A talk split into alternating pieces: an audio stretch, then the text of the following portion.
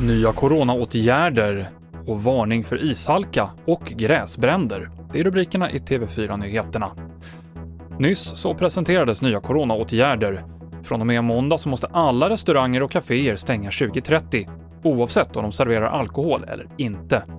Och Folkhälsomyndigheten får nya möjligheter att nationellt eller lokalt stänga krogar och kaféer. Regeringen gör det möjligt för Folkhälsomyndigheten att lokalt eller nationellt begränsa öppettiderna för samtliga serveringsställen. Det gäller alltså kaféer, restauranger, barer. Alltså det här är bredare än enbart de eh, ställen som serverar alkohol. Det sa Stefan Löfven. Det kommer även bli ett nytt lägre maxantal för besökare på gallerior, affärer och gym.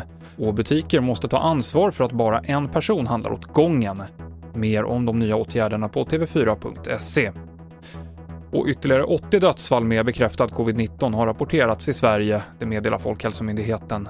Därmed är totalt 12 793 smittade avlidna i landet. Den tyska tullen har gjort det största kokainbeslaget hittills i Europa. 16 ton kokain låg dolt i containrar från Paraguay i hamnen i Hamburg.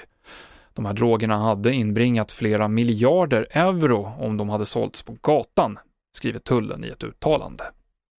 Det är stora skillnader i vädret i landet just nu. SMHI varnar för ishalka i Norrbotten och Västerbotten, där det är risk att det kommer underkylt regn.